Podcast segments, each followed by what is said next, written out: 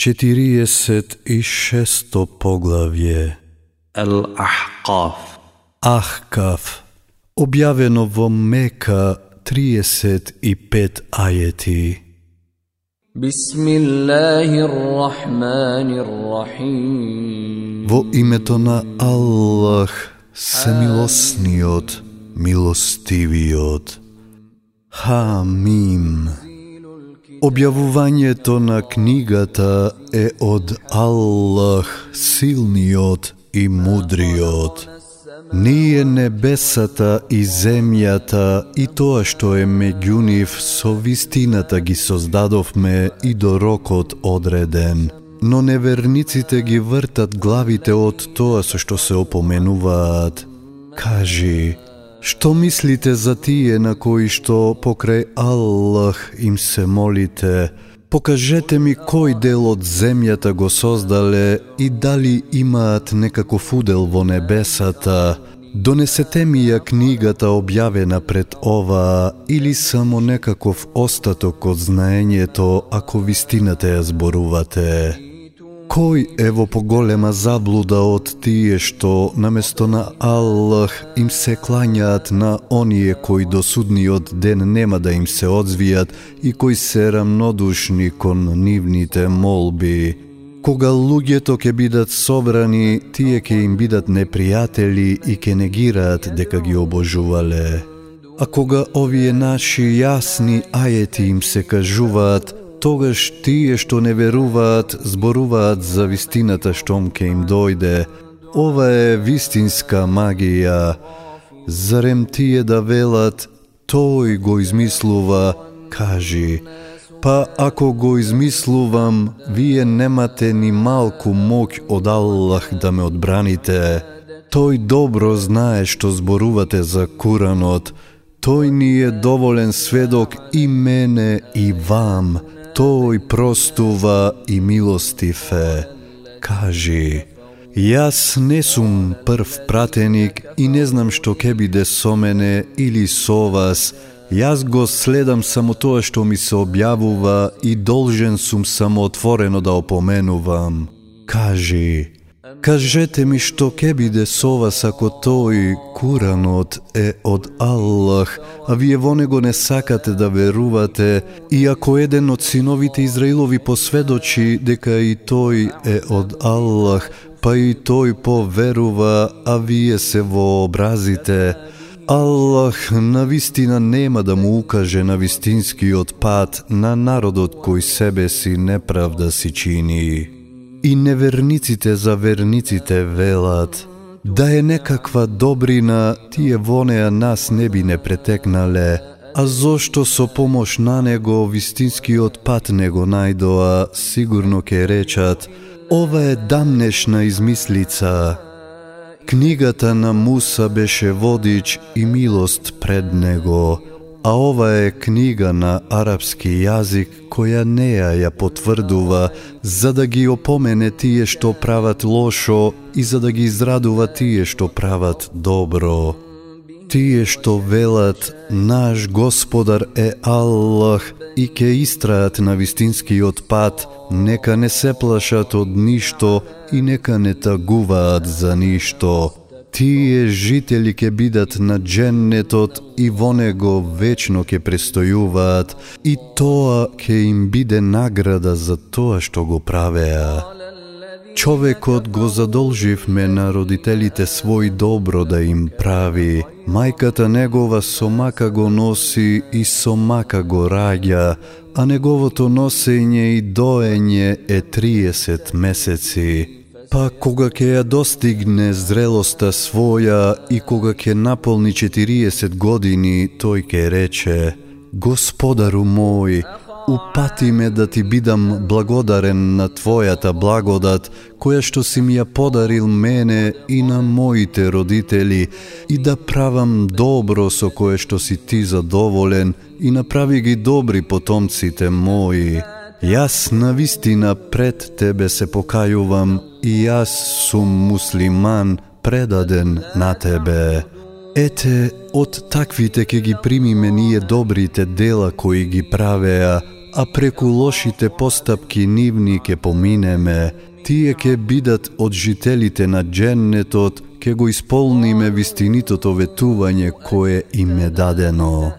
А тој што на родителите своји ке им каже, Уф, од вас што ми ветувате, зарем ми се заканувате дека ќе бидам оживеан кога пред мене толкави народи исчезнале. А тие двајца, довикувајки го Аллах на помош велат, тешко тебе верувај, Аллаховото ветување на вистина ке се оствари. Тој одговара, тоа се измислици на древните народи. Тоа се тие над кои треба да се исполни зборот кажан за древните народи, джинните и луѓето кои пред нив беа и исчезнаа, тие на вистина се губитници. За сите ке има посебни степени според тоа што го правеле, да ги награди или да ги казни за делата нивни, неправда нема да им се стори. А на денот кога тие што не верува пред огнот ке бидат изложени, Вие во својот живот на земјата сите своји наслади ги искористивте и во нив уживавте, а денес со срамно страдање ќе бидете казнети затоа што на земјата без никаква основа вообразено се однесувавте и затоа што грешевте. Испомни го братот на Ад, кога народот свој во Ахкав го опоменуваше, а имаше и пред него и по него опоменувачи. Не обожувајте никого освен Аллах.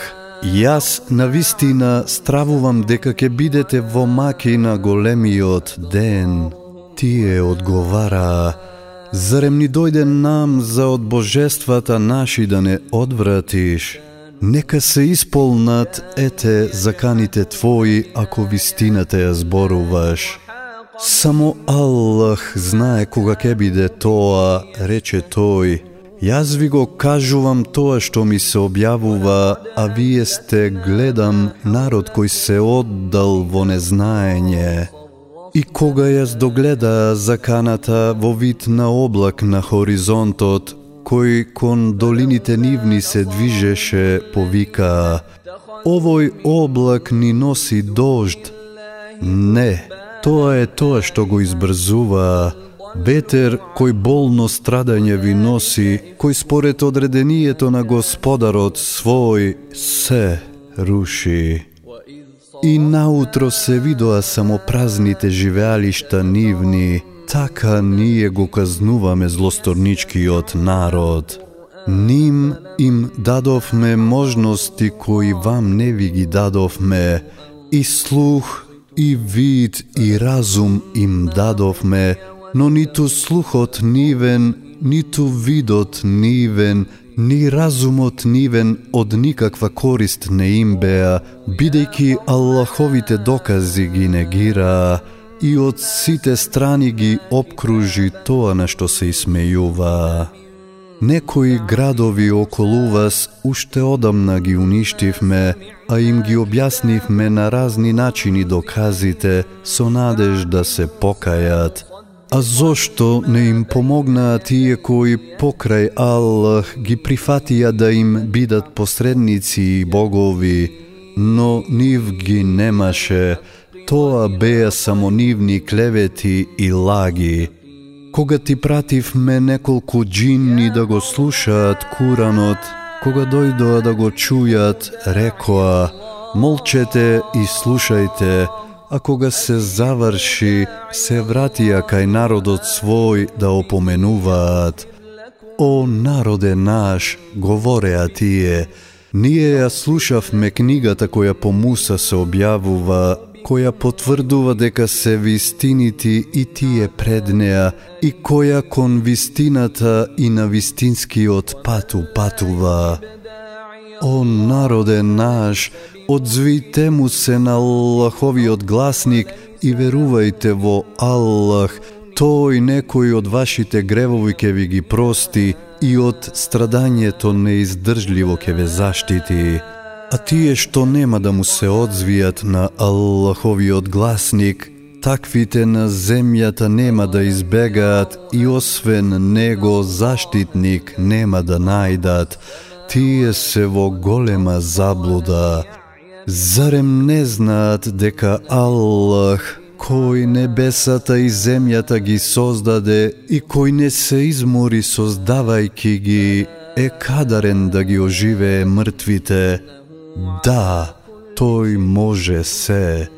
А на денот кога тие што не верува пред огнот ке бидат застанати, зарем ова не е вистина? Ке одговорат, да, се колнеме во Господарот наш. Епа искусете ја казната, ке рече тој, бидејќи постојано негиравте.